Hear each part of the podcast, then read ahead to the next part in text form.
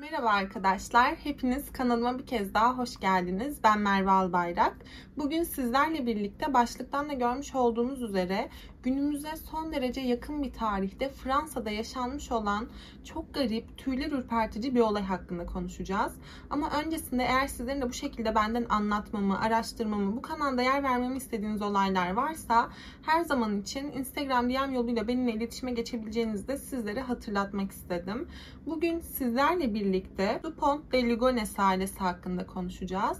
Bu aile 2011 senesinde Fransa'da yaşamakta olan aristokrat bir aileydi ve soylu bir aileye dayandıkları için, soylu bir çevreleri oldukları için doğuştan saygıdeğer insanlardı. Yani aslında hiçbir çabanın içerisine girişmeden insanların saygı duydukları, sevdiği insanlar haline gelmişlerdi. Çevrelerindeki insanlar hem aileyi hem de çocuklarını gerçekten çok seviyorlardı, saygı duyuyorlardı ve takdir ediyorlardı. Ama bu aile Nisan 2011 senesine geldiğimizde birdenbire iki köpekleriyle birlikte ortadan kayboldular ve arkalarında hiçbir iz bırakmadan yapmışlardı bunu. Peki olaylar bu raddeye nasıl gelmişti? Aile iki köpeğiyle birlikte bu muhteşem hayatlarını, gösterişli hayatlarını bırakıp nereye gitmişlerdi? İşte tüm bunlar kocaman bir gizemden ibaretti.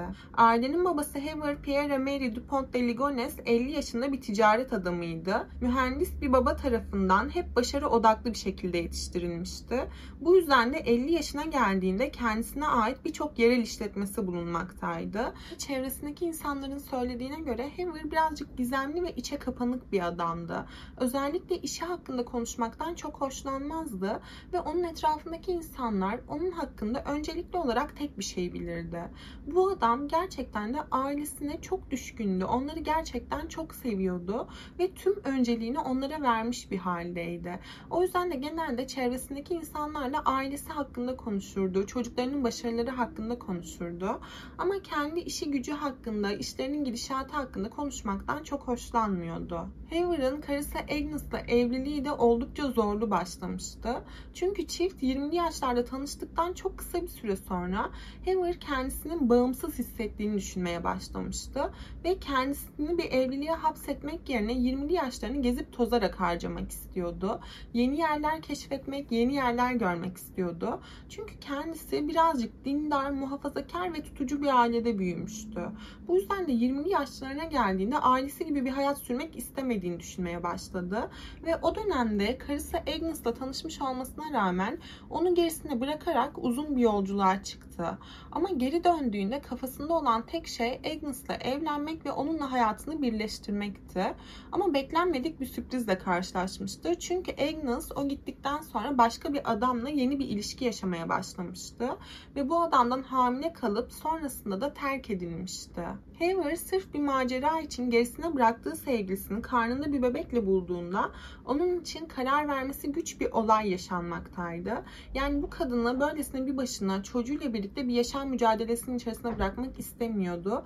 Ve onunla karnında bir bebek olmasına rağmen evlenmek istiyordu. Ve hem Agnes'ın hem de Haver'ın aileleri gerçekten çok tutucu, muhafazakar ve katolik aileler olduğu için bu durum her iki genç için de çok çok zordu. Ama Haver kararlıydı. Agnes'la evlenecekti ve onun karnındaki bebeğe babalık yapacaktı.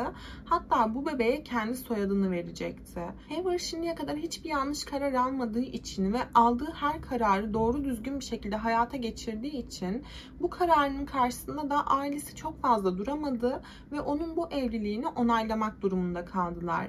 Böylelikle Haver ve Agnes evlendiler ve bu çocuğun adını Arthur koydular.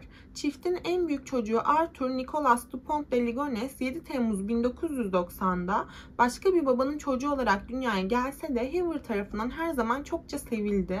En azından çevresindeki insanlar bunu her zaman böyle bildiler. Arthur aynı Haver'ın istediği gibi başarılı bir oğlandı.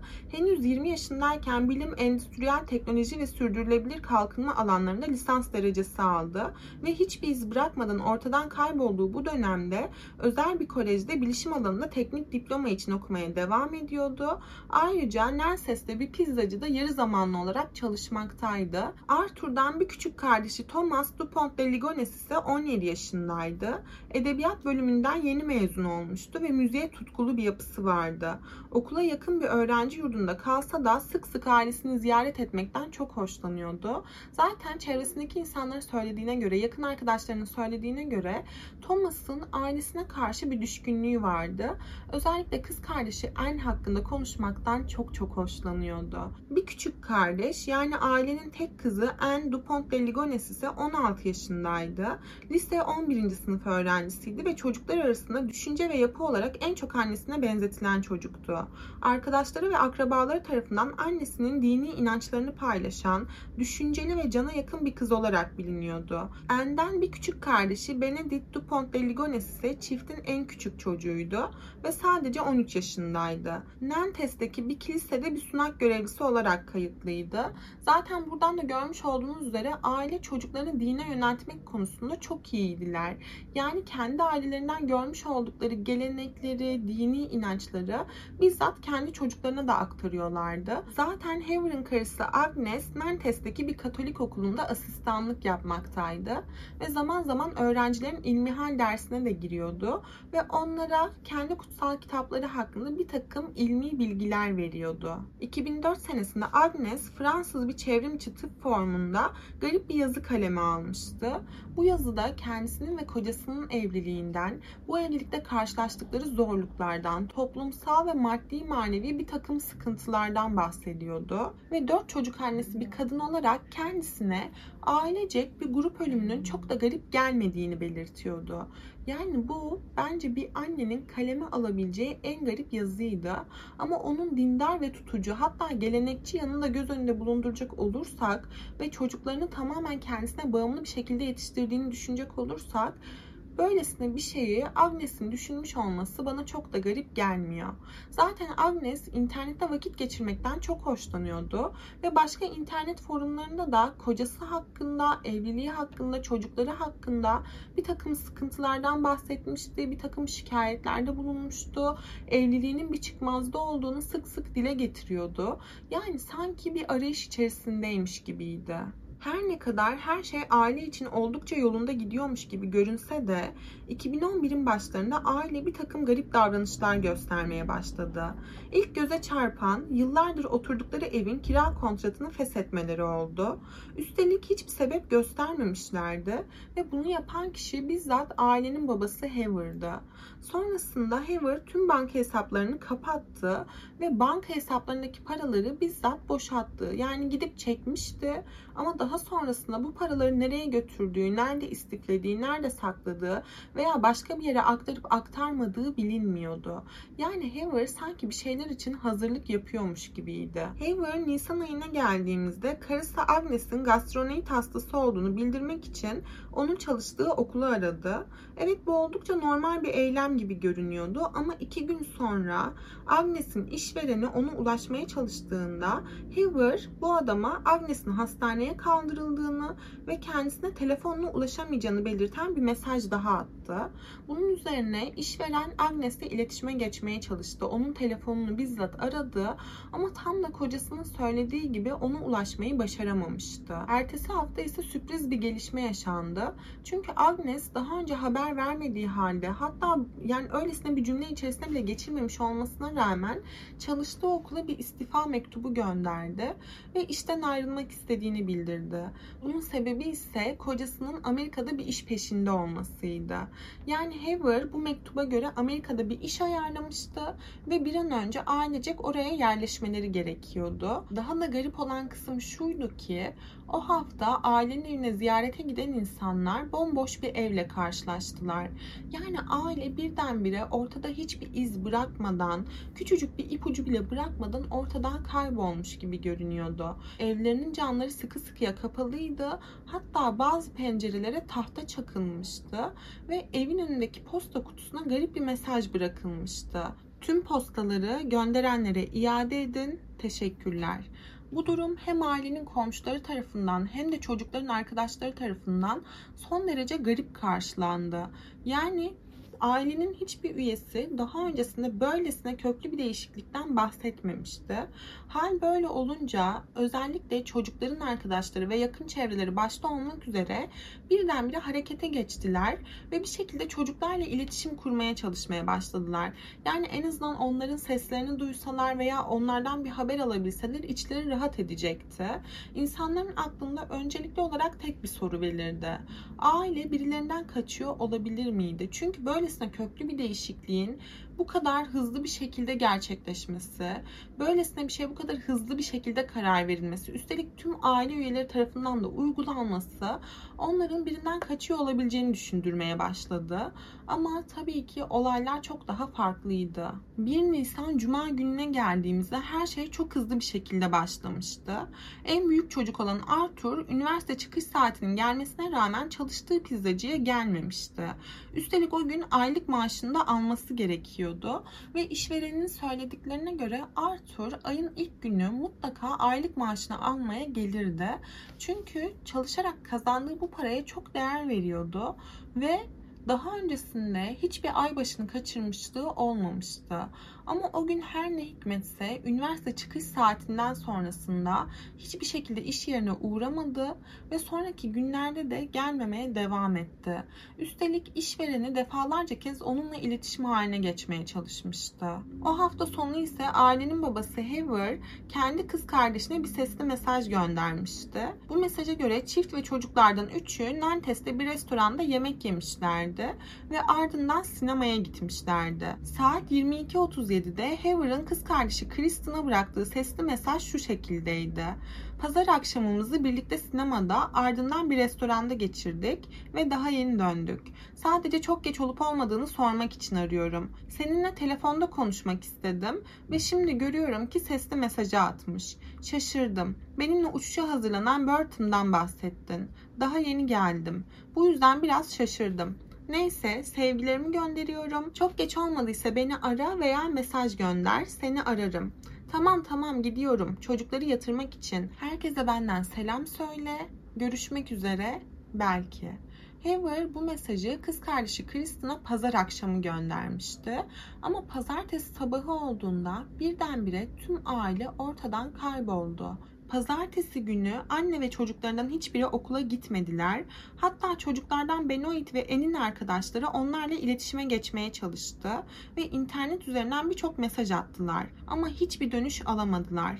Tek yaşam belirtisi veren ailenin babası Heather'dı kız kardeşi Kristen Deligones ile telefonda 20 ila 30 dakika konuşmuştu ve telefonu kapamadan önce her şeyin normal göründüğünü, her şeyin olması gerektiği gibi olduğunu söylemişti. Gerçekten de öyle görünüyordu. Çünkü sonraki günlerde de aile üyeleri farklı farklı yerlerde görünmeye devam edilmişti. Anne Agnes salı günü kaldırımda yürürken ve telefonuyla uğraşırken bir kuaför çalışanı tarafından görülmüştü. Çocuklardan biri olan Thomas ise hatırlarsanız Thomas okulu sebebiyle bir yurtta kalmaktaydı. Yani ailesinden uzakta yaşıyordu ve onları sadece hafta sonları veya tatillerde ziyaret edebiliyordu. Çocuklardan Thomas ise okuluna gidip gelmeye devam ediyordu.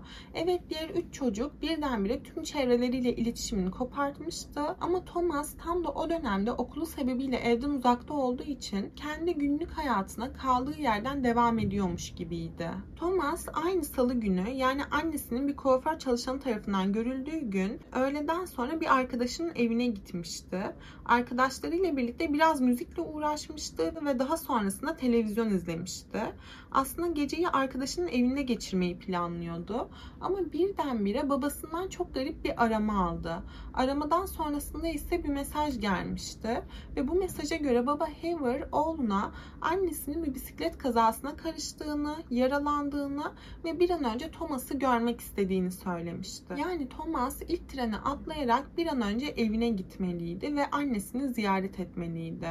Thomas bu mesajı aldıktan sonra istemeye istemeye de olsa arkadaşlarıyla hızlı bir şekilde akşam yemeğini yedi ve onlara ayrılması gerektiğini söyleyerek evden ayrıldı. Daha sonrasında ise Thomas babası Haver'la birlikte Angers yakınlarındaki lüks bir restoranda yemek yerken görülmüştü.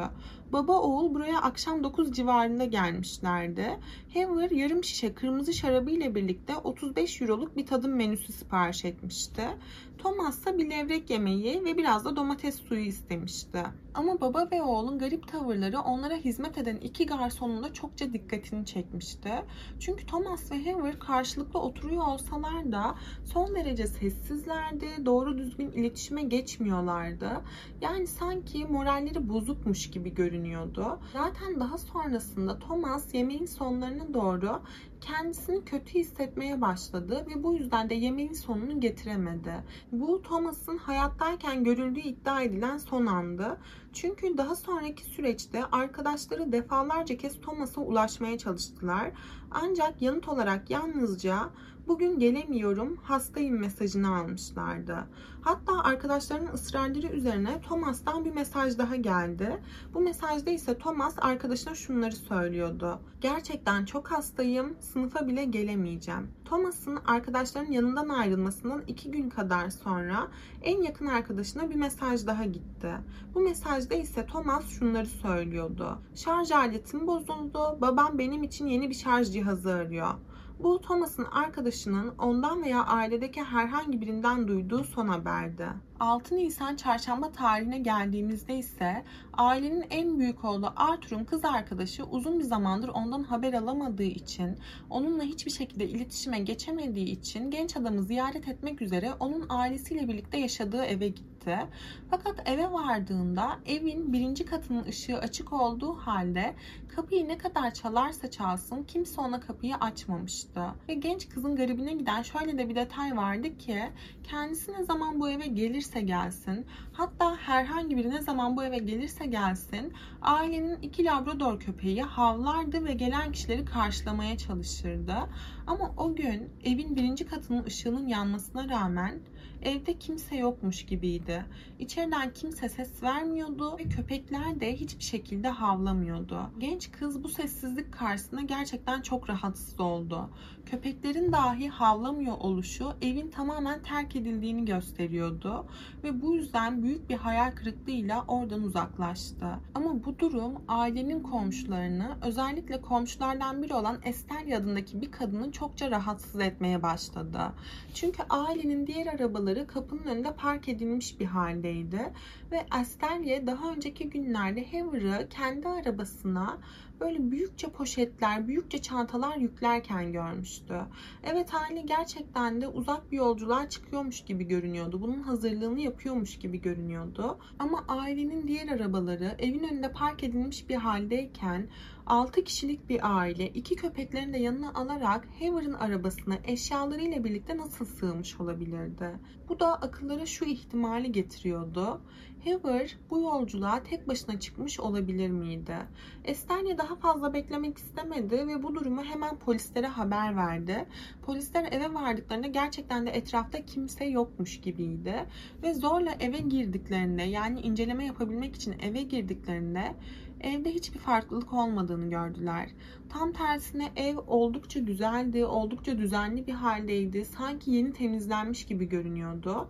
Duvarlardaki çerçevelerin içerisindeki fotoğraflar alınmıştı. Yani aile gerçekten de uzun bir yola gidiyormuş gibi görünüyordu. Bunun hazırlığını yapmış gibi görünüyordu. Ve polisler evde hiçbir gizeme, hiçbir detaya rastlayamayınca evin oldukça tertipli, düzenli bir halde olduğunu görünce hiçbir şey bulamadıklarını söyleyerek evden çıktılar. Aile biraz uzaklaştıktan sonra, kafalarını biraz toparladıktan sonra mutlaka yakınlarıyla, sevenleriyle, komşularıyla iletişime geçerdi ne de olsa. Ama polisin eve zorla girdiği günün akşamı, yani 11 Nisan akşamı ailenin yakınlarına 4 sayfalık bir mektup geldi. Bu mektup internet aracılığıyla mail yoluyla atılmıştı ve mektubu yazan kişi Haver'dı. Haver'ın söylediklerine göre kendisi ve ailesi tanık koruma programı kapsamında Avustralya'ya gitmek zorunda kalmıştı. Çünkü Haver Dia adındaki özel bir şirket için ajanlık yapmaktaydı ve bu mektupta kendisinin bir Amerikan ajanı olduğunu iddia ediyordu ve esas amacının uyuşturucu baronlarını çökertmek ve bir şekilde uyuşturucuya karşı bir hareket başlatmak olduğunu söylüyordu. Hatta bu amaç doğrultusunda baronların içine kadar girmeyi başarmıştı ama bir şekilde kimliği deşifre olmuştu ve hem kendisi hem de ailesi tanımadığı insanlar tarafından tehdit ediliyordu. Bu yüzden de kendisinin ve ailesinin can güvenliğini sağlayabilmek için tanık koruma programı kapsamında onları da yanına alarak başka bir ülkeye taşınmıştı. Bu dört sayfalık mektubu alan sevenleri ilk başta bu adamın kendisiyle dalga geçtiğini düşündüler. Ama sonrasında bu olayın üzerine düşündükçe fark ettiler ki Haver gerçekten de işi hakkında, çalışma şartları hakkında, yani ne iş yaptığı hakkında insanlara hiçbir ipucu vermezdi. Onlarla hiçbir detay paylaşmazdı. Son derece gizemli ve ketum bir adamdı. Özellikle iş konusunda. Bu yüzden de onun çevresinden bazı insanlar bu mektupta yazan ifadelere inanmaya başladılar. Haver'ın kız kardeşi Kristen bu mektubu aldıktan hemen sonra polislerle iletişime geçti ve bu durumun araştırılmasını talep etti. Polisler mektupta yer alan Dia şirketini araştırdıklarında gerçekten de böyle bir şirketin olduğunu fakat şirketin politikaları gereği böylesine gizli bilgileri herhangi bir çalışanının kimseyle paylaşamayacağını gördüler. Yani Haver gerçekten de bu şirket için ajanlık yapıyorsa kimliği de şifre olduktan sonrasında tüm ailesine, tüm yakınlarına böylesine bir mektup göndermiş olması son derece garipti, riskliydi ve kesinlikle olmaması gereken bir şeydi. Haver mektubun sonlarına doğru şöyle bir ifadede bulunuyordu. Evin terasındaki çöpler kendi ailesine ait değildi. Kendileri bu eve taşındıklarında da o çöpler terasta bulunmaktaydı kendileri hiçbir zaman terasın bu bölümünü ellememişlerdi ve daha sonrasında eve gelecek olan kişilere de terası ellememeleri gerektiğini, kurcalamamaları gerektiğini söylüyordu. Bunun üzerine 21 Nisan tarihinde polisler bir kez daha ailenin yaşadığı eve girdiler ve Haver'ın mektupta özellikle belirttiği, insanları tembihlediği terasa gittiler Gerçekten de teras karmaşık bir haldeydi. Böyle alt kısmında bir sürü çerçöp vardı ve plastik levhalar vardı. Polisler bu levhaları kaldırdığında levhaların altındaki toprağın yeni kazılmış olduğunu gördüler ve bu toprağı kazmaya başladıklarında 50 santim derinliğinde bir çukur keşfettiler. Bu çukurlardan ilkinde plastik bir torbaya sarılmış bir erkek vücudu bulundu. İkincisinde ise ailenin diğer dört üyesinin vücudu ve iki köpekleri bulunmuştu. Yani evin terası bildiğiniz toplu bir mezar haline getirilmişti. Ve vücutlar o kadar özenli bir şekilde gömülmüştü ki Polisler hayret ettiler. Dahası her bir aile üyesinin üzerinde pijamaları bulunmaktaydı. Bu da onların derin bir uykudayken hayatlarına son verildiğini gösteriyordu. Aile üyeleri hayatlarını kaybettikten sonra önce bir çarşafa sarılmışlardı. Daha sonrasında uyku tulumlarına koyulmuşlardı ve sonrasında da plastik bir torbaya sarılarak koli bandı ile sıkı sıkıya bağlanmışlardı. Gömüldükleri esnada ise her bir aile üyesinin kafalarının altına küçük bir yastık koyulmuştu.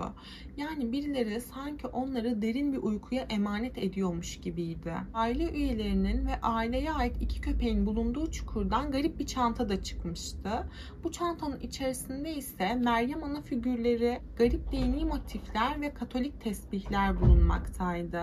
Yani aile üyelerini gömen kişi onları kendi dini ritüellerine göre gömmüştü ve sonrasında evin içini tamamen temizleyecek kadar, arkasında hiçbir delil bırakmayacak kadar da zamanı vardı. Evin terasında keşfedilen vücutlar incelendiğinde ise bu vücutların Dupont de Ligonnès ailesine ait olduğu tespit edilmişti. Ancak tek bir eksik vardı. Ailenin babası Haver bu vücutların arasında yoktu. Dahası polisler her ne kadar onun peşine düşerlerse düşsünler, Haver'ı daha sonrasında hiçbir yerde bulamadılar. Polisler vücutların bulunduğu çukurları incelerken fark ettiler ki her bir çukurun üzerine kireç dökülmüştü. Böylece bu olayın üzerinden günler geçmiş olmasına rağmen vücutlar kokmamıştı ve bu koku tüm bu olup bitenleri ele vermemişti. Ailenin babası Haver ortalarda olmadığı için mevcut şüpheli oydu. Hatta en öncelikli şüpheli oydu. Çünkü biliyorsunuz ki ailenin tüm üyeleri adına kendisi onların çalıştığı yerlerle, onların okuduğu yerlerle iletişime geçmişti. Ve bir süre boyunca yani aile çevresindeki insanlarla iletişimi koparttığı o süre boyunca Hoover ailesi ve onların yakınları arasında bir köprü görevi görmüştü. Ailesi hakkında, onların sağlığı hakkında sürekli çevresindeki insanlara haber uçurmuştu ve böylece zaman kazanmış olabilirdi. Ama bununla da bitmiyordu. Dupont de Ligonnès ailesinin 5 ferdi hayatını kaybetmeden hemen önce, yaklaşık 3 hafta kadar önce Hoover'ın babası hayatını kaybetmişti. Yani hatırlarsanız Haver hayatı boyunca babasının gözüne girmek için çabalayan, bir şekilde kendisini babasına kanıtlamaya çalışan ve bunu yaparken de sürekli güçlüğü oynayan bir adamdı. Ama Haver'ın babası vefat ettikten sonra bazı şeyler hızla değişmeye başladı. Çünkü kimsenin bilmediği bir şey vardı ki Haver'ın işi hakkındaki hiçbir detayı kimseyle paylaşmamasının sebebi iflasın eşiğinde olmasıydı. Biliyorsunuz ki zengin bir karısı vardı. Agnes varlıklı bir aileden gelmekteydi. Ve defalarca kez kocası işlerini kurtarabilsin diye, yeni bir girişimde bulunabilsin diye, ekonomik durumlarını toparlayabilsin diye ona borç para vermişti. Ama Haver öyle hızlı bir çöküş yaşamaktaydı ki daha karısından aldığı borçları bile ödeyemiyordu. Ve tabii ki başka insanlara da borçları vardı. Bu algı vergi işleri çiftin arasındaki bağları öylesine bir germişti ki Haver ve karısı Agnes son zamanlarda sürekli olarak tartışmaya başlamışlardı. Agnes sürekli maddi durumlarından şikayet ediyordu. Sürekli bu sebeplerden ötürü tartışmalar çıkıyordu ve Haver'ın kendisini başka kadınlarla aldattığını düşünüyordu. Gerçekten de öyleydi. Haver özellikle maddi durumu iyi olan, kendisinden yaşça büyük olan kadınlarla takılıyordu ve bu takılmalar karşılığında da onlardan işlerini düzeltebilmek adına bir takım borç paralar alıyordu. Ve Agnes bu durumu fark ettiğinde gerçekten çok büyük bir hayal kırıklığına uğramıştı. Takıldığı internet forumlarında kocasının kendisini aldatmaya başladığından bahsediyordu. Bu durumun kendisini ne kadar üzdüğünden, ondan bir şekilde intikam almak istediğinden bahsediyordu. Ve açık açık bir şekilde kocasını aldatabilmek için yeni bir partner arayışındaydı. Yani çiftin arasındaki o büyülü birliktelik işte böylesine bir raddeye gelmişti.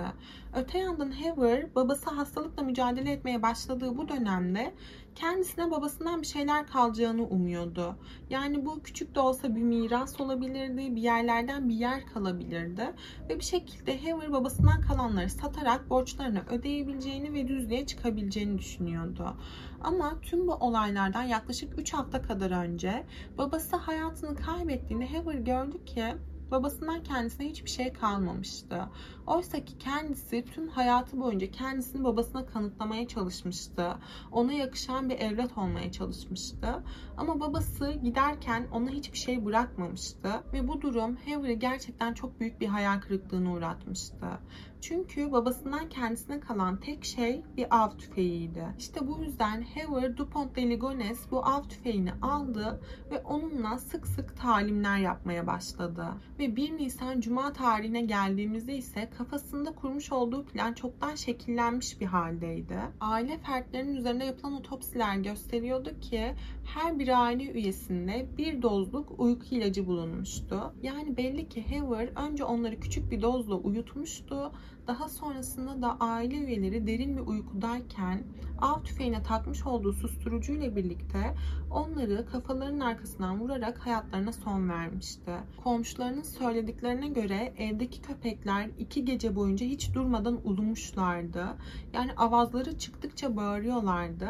Ama ikinci gecenin sonunda köpeklerin sesi de birden kesildi ve bir daha havlamadılar bile. Polisler tüm bu ipuçlarıyla birlikte Haver'ın peşine düştüklerinde ve her yerde onu aramaya başladıklarında 14 Nisan tarihine ait bir kamera kaydı bulmayı başardılar.